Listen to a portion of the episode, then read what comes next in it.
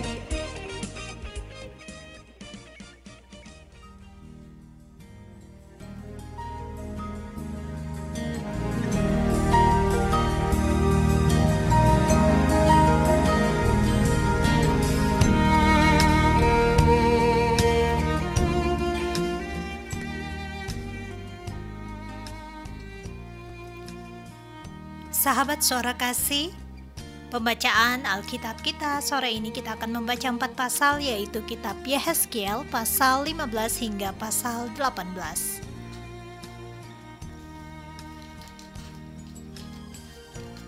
Yehezkiel pasal 15 ayat 1 hingga ayatnya yang ke-8. Yerusalem pohon anggur yang tak berguna. Lalu datanglah firman Tuhan kepadaku.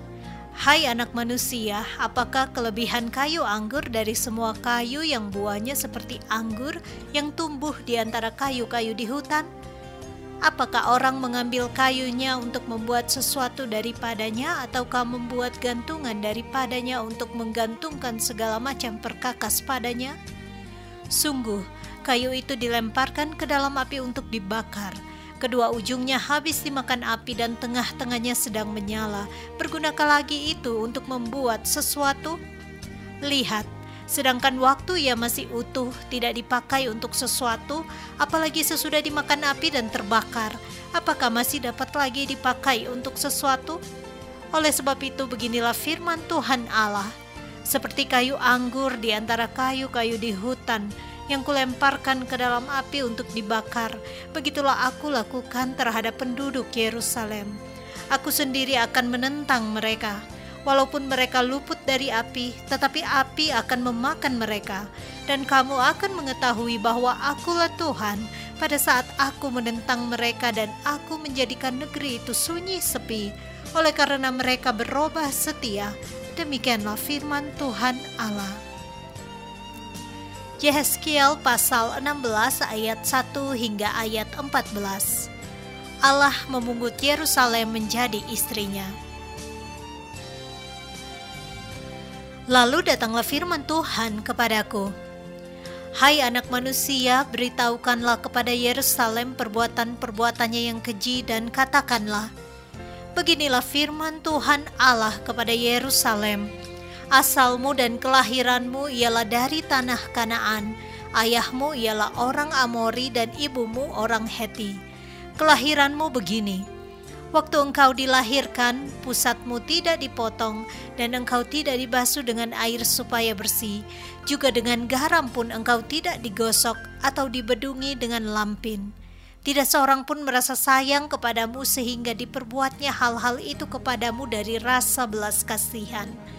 Malahan engkau dibuang ke ladang oleh karena orang pandang enteng kepadamu pada hari lahirmu maka aku lalu dari situ dan kulihat engkau menendang-dendang dengan kakimu sambil berlumuran darah, dan aku berkata kepadamu dalam keadaan berlumuran darah itu, Engkau harus hidup dan jadilah besar seperti tumbuh-tumbuhan di ladang. Engkau menjadi besar dan sudah cukup umur, bahkan sudah sampai pada masa mudamu. Maka buah dadamu sudah montok, rambutmu sudah tumbuh, tetapi engkau dalam keadaan telanjang bugil maka aku lalu dari situ dan aku melihat engkau. Sungguh, engkau sudah sampai pada masa cinta berahi. Aku menghamparkan kainku kepadamu dan menutupi auratmu. Dengan sumpah aku mengadakan perjanjian dengan engkau. Demikianlah firman Tuhan Allah dan dengan itu engkau aku punya. Aku membasuh engkau dengan air untuk membersihkan darahmu daripadamu dan aku mengurapi engkau dengan minyak Aku mengenakan pakaian berwarna-warna kepadamu dan memberikan engkau sandal-sandal dari kulit lumba-lumba dan tutup kepala dari lenan halus dan selendang dari sutra.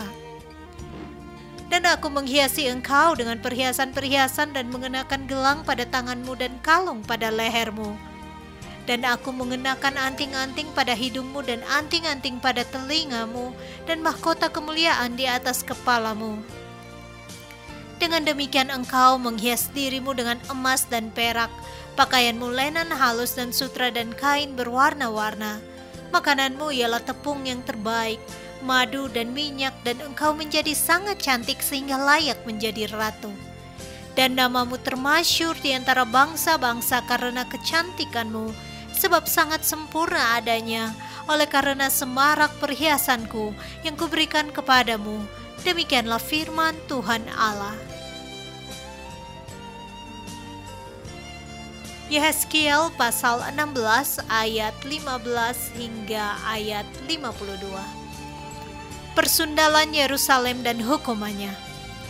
Tetapi engkau mengandalkan kecantikanmu dan engkau seumpama bersundal dalam menganggarkan ketermasyuranmu dan engkau menghamburkan persundalanmu kepada setiap orang yang lewat. Engkau mengambil dari pakaian-pakaianmu untuk membuat bukit-bukit pengorbananmu berwarna-warni dan engkau bersundal di situ. Seperti itu belum pernah terjadi dan tidak akan ada lagi. Engkau mengambil juga perhiasan-perhiasanmu yang dibuat dari emasku dan perakku yang kuberikan kepadamu dan engkau membuat bagimu patung-patung lelaki dan engkau bersundal dengan mereka.' Engkau mengambil daripada pakaianmu yang berwarna-warni untuk menutupi mereka, dan engkau mempersembahkan kepada mereka minyakku dan ukupanku. Juga makananku yang kuberikan kepadamu, tepung yang terbaik, minyak dan madu kuberikan makananmu. Engkau persembahkan kepada mereka menjadi persembahan yang harum. Demikianlah firman Tuhan Allah. Bahkan engkau mengambil anak-anakmu lelaki dan perempuan yang engkau lahirkan bagiku, dan mempersembahkannya kepada mereka menjadi makanan mereka.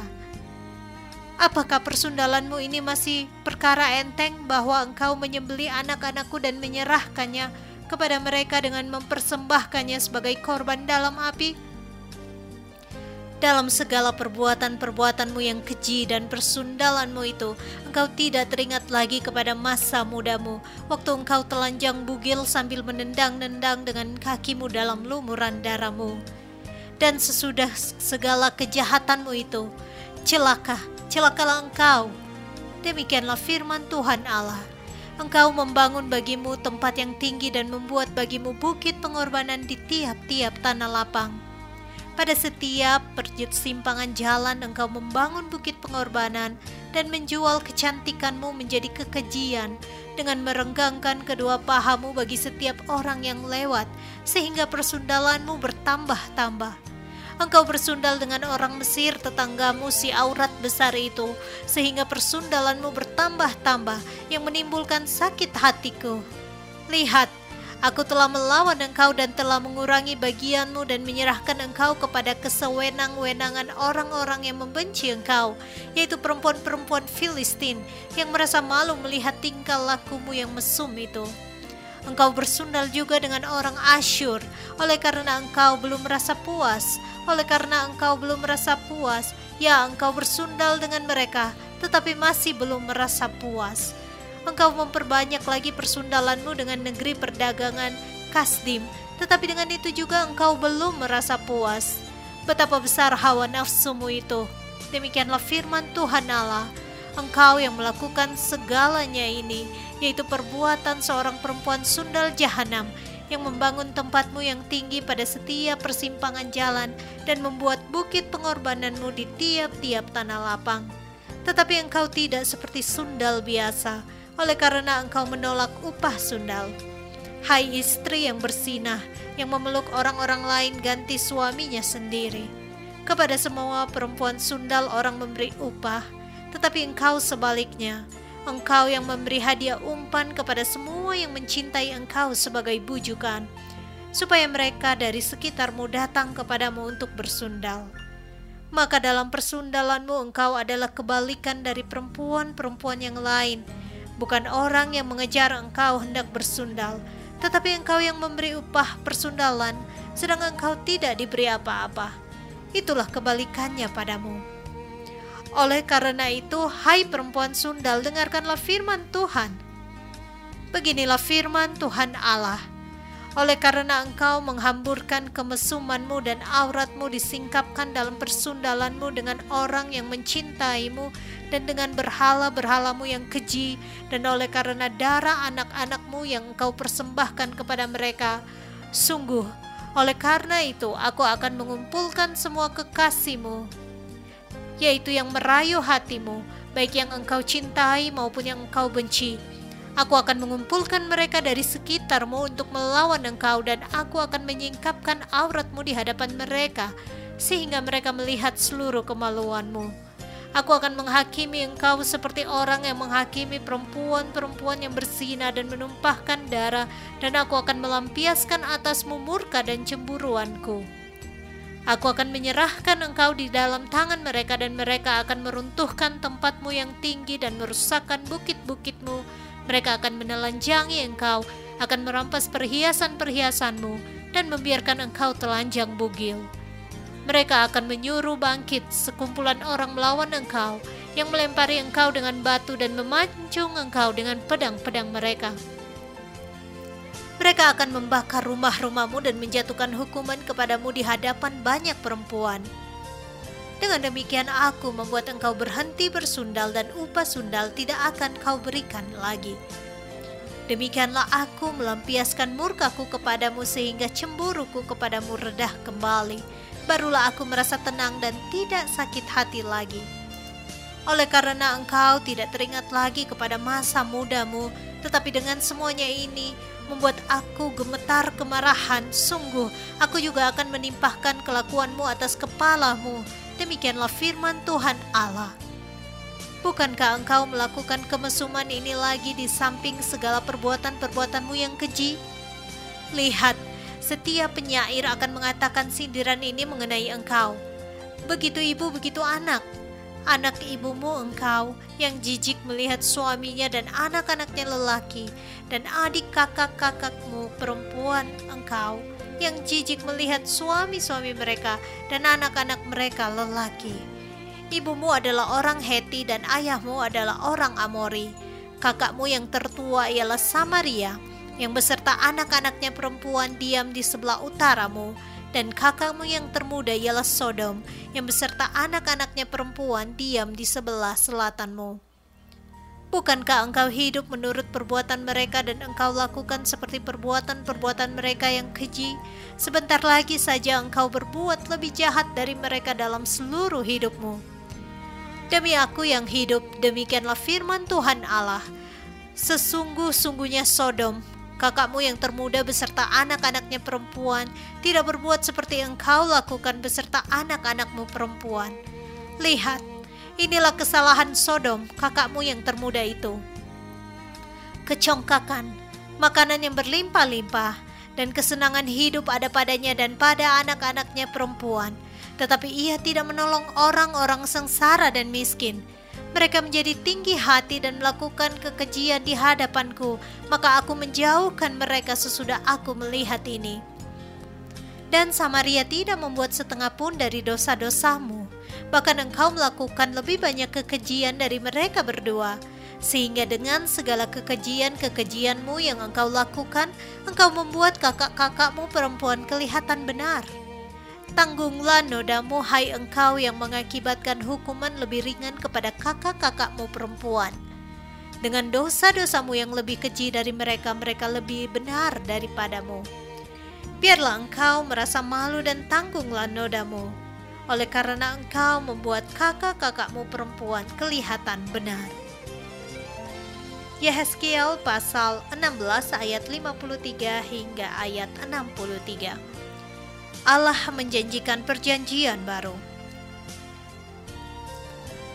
Tetapi aku akan memulihkan keadaan mereka, baik keadaan Sodom bersama anak-anaknya perempuan maupun keadaan Samaria bersama anak-anaknya perempuan. Dan juga aku akan memulihkan keadaanmu di tengah-tengah mereka supaya engkau menanggung dodamu dan supaya engkau merasa malu karena segala perbuatanmu, sehingga engkau menjadi penghiburan bagi mereka mengenai kakak-kakakmu Sodom bersama anak-anaknya perempuan akan dipulihkan ke dalam keadaan semula. Samaria juga bersama anak-anaknya perempuan akan dipulihkan ke dalam keadaannya semula. Dan engkau pun bersama anak-anakmu perempuan akan dipulihkan ke dalam keadaanmu semula. Bukankah Sodom kakakmu yang termuda menjadi buah bibirmu pada masa kecongkakanmu sebelum kejahatanmu menjadi nyata seperti pada saat ini engkau diaibkan oleh anak-anak perempuan Edom dengan semua yang di sekitarnya dan anak-anak perempuan Filistin yang menghina engkau dari sekitarmu? Kemesumanmu dan perbuatan-perbuatanmu yang keji harus engkau tanggung. Demikianlah firman Tuhan. Sebab beginilah firman Tuhan Allah – Aku akan melakukan kepadamu seperti engkau lakukan, yaitu engkau memandang ringan kepada sumpah dengan mengingkari perjanjian. Tetapi aku akan mengingat perjanjianku dengan engkau pada musa mudamu, dan aku akan meneguhkan bagimu perjanjian yang kekal. Barulah engkau teringat kepada kelakuanmu dan engkau merasa malu pada waktu aku mengambil kakak-kakakmu baik yang tertua maupun yang termuda dan memberikan mereka kepadamu menjadi anakmu, tetapi bukan berdasarkan engkau memegang perjanjian. Aku akan meneguhkan perjanjianku dengan engkau, dan engkau akan mengetahui bahwa akulah Tuhan. Dan dengan itu engkau akan teringat-ingat yang dulu dan merasa malu, sehingga mulutmu terkatup sama sekali karena nodamu, waktu aku mengadakan pendamaian bagimu karena segala perbuatanmu. Demikianlah firman Tuhan Allah.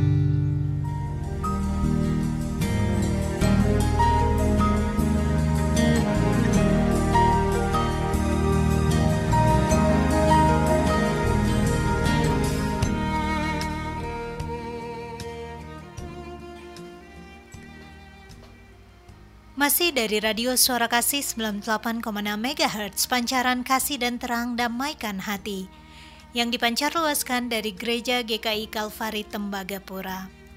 Sahabat Suara Kasih, kita akan melanjutkan pembacaan Alkitab kita. Yehezkiel pasal 17 ayat 1 hingga ayatnya yang ke-24. Lambang ketidaksetiaan Raja Zedekia. Maka datanglah firman Tuhan kepadaku, Hai anak manusia, katakanlah suatu teka-teki dan ucapkanlah suatu perumpamaan kepada kaum Israel. Katakanlah, beginilah firman Tuhan Allah. Seekor burung raja wali yang besar dengan sayapnya yang besar dan panjang, penuh dengan bulu yang berwarna-warna datang ke gunung Libanon dan ia mengambil puncak pohon aras ia mematahkan pucuknya yang paling ujung dan dibawanya ke sebuah negeri perdagangan, lalu diletakkannya dia di kota perniagaan. Ia mengambil sebuah dari taruk-taruk tanah itu dan menanamnya di ladang yang sudah sedia ditaburi. Ia menempatkannya dekat air yang berlimpah-limpah seperti pohon ganda rusa, sehingga ia tumbuh dan menjadi pohon anggur yang rimbun, yang tumbuhnya rendah dan cabang-cabangnya melengkung menuju burung itu dan akar-akarnya tetap di bawahnya. Demikianlah ia menjadi pohon anggur dan mengeluarkan tunas-tunas dan memancarkan taruk-taruk. Dalam pada itu ada juga burung Raja Wali besar yang lain dengan sayapnya yang besar dan bulu yang lebat. Dan sungguh, pohon anggur ini mengarahkan akar-akarnya ke burung itu dan cabang-cabangnya dijulurkannya kepadanya, supaya burung itu mengairi dia lebih baik dari bedeng di mana ia ditanam. Namun ia ditanam di ladang yang baik, dekat air yang berlimpah-limpah, supaya ia bercabang-cabang dan berbuah dan supaya menjadi pohon anggur yang bagus. Katakanlah, beginilah firman Tuhan Allah. Apakah itu akan berhasil? Apakah orang tidak akan mencabut akar-akarnya dan menyentakkan buahnya, sehingga semua ulamnya yang baru menjadi kering? Tidak usah tangan yang kuat dan banyak orang untuk mencabut dia dengan akar-akarnya. Lihat, ia memang ditanam, tetapi apakah ia akan memberi hasil? Apakah ia tidak akan layu kering kalau ditimpa angin timur? Ia akan layu kering di bedeng tempat tumbuhnya itu. Maka datanglah firman Tuhan kepadaku. Katakanlah kepada kaum pemberontak, Tidakkah kamu mengetahui apa artinya ini? Katakan, lihat, Raja Babel datang ke Yerusalem dan ia mengambil rajanya dan pemuka-pemukanya dan membawa mereka ke Babel baginya Lalu ia mengambil seorang yang berasal dari keturunan raja dan mengadakan perjanjian dengan dia sambil menyuruh dia bersumpah. Ia mengambil juga orang-orang berkuasa negeri itu, supaya kerajaan itu menjadi lemah dan jangan memberontak lagi, juga supaya memegang teguh perjanjian itu dan dengan demikian tetap ada. Tetapi orang itu memberontak kepadanya dengan menyuruh utusannya ke Mesir, supaya ia diberi kuda dan tentara yang besar apakah ia akan berhasil? Apakah orang yang berbuat demikian dapat luput? Apakah orang yang mengingkari perjanjian dapat luput? Demi aku yang hidup, demikianlah firman Tuhan Allah. Ia pasti mati di Babel, di tempat raja yang mengangkatnya menjadi raja, karena ia memandang ringan kepada sumpah yang dimintakan raja itu daripadanya dan mengingkari perjanjian raja itu dengan dia dan Firaun tidak akan membantu dia dalam peperangan dengan tentara yang besar dan sekumpulan banyak orang. Pada waktu tembok pengepungan ditimbun dan benteng pengepungan didirikan untuk melenyapkan banyak orang. Ya, ia memandang ringan kepada sumpah dan mengingkari perjanjian. Sungguh, walaupun ia menyuguhkan hal itu dengan berjabat tangan, tetapi ia melanggar semuanya itu, maka ia tidak dapat luput. Oleh sebab itu beginilah firman Tuhan Allah. Demi aku yang hidup, aku pasti menimpahkan atas kepalanya sumpahnya kepadaku yang dipandangnya ringan dan perjanjiannya di hadapanku yang diingkarinya. Aku akan memasang jaringku untuk menangkap dia dan di dalam perangkapku ia akan terjebak. Aku akan membawa dia ke Babel dan di sana aku akan berperkara dengan dia karena ia berubah setia terhadap aku dan semua tentara pilihannya akan tewas dimakan pedang dan yang terluput akan dihamburkan ke semua mata angin. Dan kamu akan mengetahui bahwa akulah Tuhan yang mengatakannya. Beginilah firman Tuhan Allah. Aku sendiri akan mengambil sebuah carang dari puncak pohon aras yang tinggi dan menanamnya.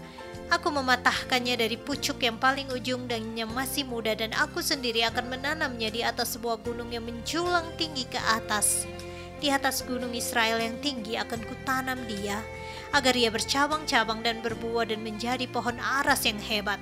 Segala macam burung dan yang berbulu bersayap tinggal di bawahnya, mereka bernaung di bawah cabang-cabangnya. Maka segala pohon di ladang akan mengetahui bahwa aku, Tuhan, merendahkan pohon yang tinggi dan meninggikan pohon yang rendah membuat pohon yang tumbuh menjadi layu kering dan membuat pohon yang layu kering bertaruh kembali.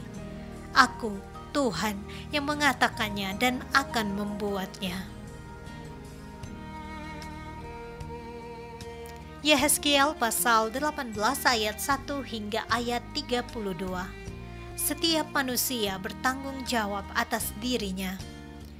Maka datanglah firman Tuhan kepadaku, ada apa dengan kamu sehingga kamu mengucapkan kata sindiran ini di tanah Israel? Ayah-ayah makan buah mentah dan gigi anak-anaknya menjadi ngilu. Demi aku yang hidup, demikianlah firman Tuhan Allah. Kamu tidak akan mengucapkan kata sindiran ini lagi di Israel. Sungguh, semua jiwa aku punya, baik jiwa ayah maupun jiwa anak aku punya. Dan orang yang berbuat dosa itu yang harus mati. Kalau seseorang adalah orang benar dan ia melakukan keadilan dan kebenaran, dan ia tidak makan daging persembahan di atas gunung atau tidak melihat kepada berhala-berhala kaum Israel, tidak mencemari istri sesamanya dan tidak menghampiri perempuan waktu bercemar kain, tidak menindas orang lain, ia mengembalikan gadaian orang, tidak merampas apa-apa, memberi makan orang lapar, memberi pakaian kepada orang telanjang, tidak memungut bunga uang atau mengambil riba, menjauhkan diri dari kecurangan, melakukan hukum yang benar di antara manusia dengan manusia, hidup menurut ketetapanku dan tetap mengikuti peraturanku dengan berlaku setia. Ialah orang benar dan ia pasti hidup. Demikianlah firman Tuhan Allah. Tetapi kalau ia melahirkan seorang anak yang menjadi perampok dan yang suka menumpahkan darah atau melakukan salah satu dari hal-hal itu, walaupun ayah tidak melakukan satu pun, juga makan daging persembahan di atas gunung dan mencemari istri sesamanya, menindas orang sengsara dan miskin, merampas, tidak mengembalikan gadaian orang, melihat kepada berhala-berhala dan melakukan kekejian, memungut bunga uang dan mengambil riba. Orang yang demikian tidak akan hidup. Segala kekejian ini dilakukannya, ia harus mati, darahnya tertimpa kepadanya sendiri. Sesungguhnya, kalau ia melahirkan seorang anak, dan anak ini melihat segala dosa yang dilakukan ayahnya, tetapi menginsafi hal itu, sehingga tidak melakukan seperti itu. Ia tidak makan daging persembahan di atas gunung dan tidak melihat kepada berhala-berhala kaum Israel, tidak mencemari istri sesamanya, tidak menindas orang lain, tidak mau meminta gadai, tidak merampas apa-apa, memberi makan orang lapar, memberi pakaian kepada orang telanjang, menjauhkan diri dari kecurangan, tidak mengambil bunga uang atau riba, melakukan peraturanku dan hidup menurut ketetapanku. Orang yang demikian tidak akan mati karena kesalahan ayahnya. Ia pasti hidup. Ayahnya yang melakukan pemerasan, yang merampas sesuatu dan yang melakukan hal-hal yang tidak baik di tengah-tengah bangsanya, sungguh ia akan mati karena kesalahannya. Tetapi kamu berkata, Mengapa anak tidak turut menanggung kesalahan ayahnya? Karena anak itu tidak melakukan keadilan dan kebenaran. Melakukan semua ketetapanku dengan setia, maka ia pasti hidup. Orang yang berbuat dosa itu yang harus mati. Anak tidak akan turut menanggung kesalahan ayahnya, dan ayah tidak akan turut menanggung kesalahan anaknya orang benar akan menerima berkat kebenarannya, dan kefasikan orang fasik akan tertanggung atasnya. Tetapi jikalau orang fasik bertobat dari segala dosa yang dilakukannya dan berpegang pada segala ketetapanku, serta melakukan keadilan dan kebenaran, ia pasti hidup, ia tidak akan mati. Segala durhaka yang dibuatnya tidak akan diingat-ingat lagi terhadap dia. Ia akan hidup karena kebenaran yang dilakukannya. Apakah aku berkenan kepada kematian orang fasik Demikianlah firman Tuhan Allah. Bukankah kepada pertobatannya supaya ia hidup? Jikalau orang benar berbalik dari kebenarannya dan melakukan kecurangan seperti segala kekejian yang dilakukan oleh orang fasik, apakah ia akan hidup? Segala kebenaran yang dilakukannya tidak akan diingat-ingat lagi. Ia harus mati karena ia berubah setia dan karena dosa yang dilakukannya. Tetapi kamu berkata, tindakan Tuhan tidak tepat. Dengarlah dulu, hai kaum Israel, apakah tindakanku yang tidak tepat ataukah tindakanmu yang tidak tepat? Kalau orang benar berbalik dari kebenarannya dan melakukan kecurangan sehingga ia mati, ia harus mati karena kecurangan yang dilakukannya. Sebaliknya, kalau orang fasik bertobat dari kefasikan yang dilakukannya dan ia melakukan keadilan dan kebenaran, ia akan menyelamatkan nyawanya ia insaf dan bertobat dari segala durhaka yang dibuatnya, ia pasti hidup, ia tidak akan mati. Tetapi kaum Israel berkata, tindakan Tuhan tidak tepat. Apakah tindakanku yang tidak tepat, hai kaum Israel, ataukah tindakanmu yang tidak tepat? Oleh karena itu aku akan menghukum kamu masing-masing menurut tindakannya hai kaum Israel. Demikianlah firman Tuhan Allah. Bertobatlah dan berpalinglah dari segala durhakamu supaya itu jangan membagimu menjadi batu sandungan yang menjatuhkan kamu ke dalam kesalahan. Buangkanlah daripadamu segala durhaka yang kamu buat terhadap aku dan perbaharuilah hatimu dan rohmu. Mengapakah kamu akan mati, hai kaum Israel? sebab aku tidak berkenan kepada kematian seseorang yang harus ditanggungnya. Demikianlah firman Tuhan Allah. Oleh sebab itu, bertobatlah supaya kamu hidup.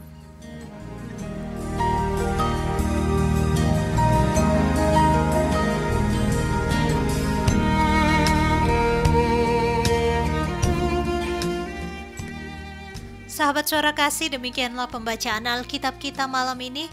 Mari kita berdoa mengucap syukur. Bapa yang baik, tak henti-hentinya kami mengucap syukur Tuhan kepadamu. Karena atas berkatmu saja, atas penyertaanmu saja, sehingga kami boleh membaca kebenaran firmanmu.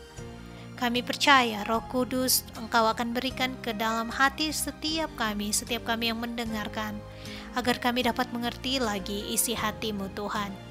Dan saat ini kami akan melanjutkan aktivitas kami. Tuhan Yesus tolong, biar kami tetap menjadi berkat di mana pun kami berada. Ini doa kami Tuhan. Haleluya. Amin.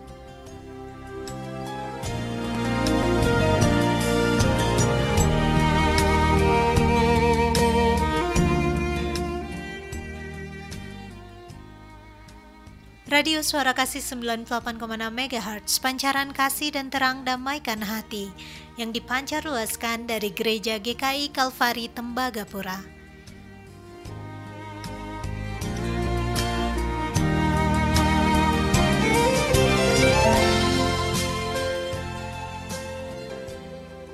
Saya Clara pamit dari ruang dengar sahabat suara kasih dan sampai jumpa pada jam yang sama besok pukul 6 sore di program Mari Baca Alkitab.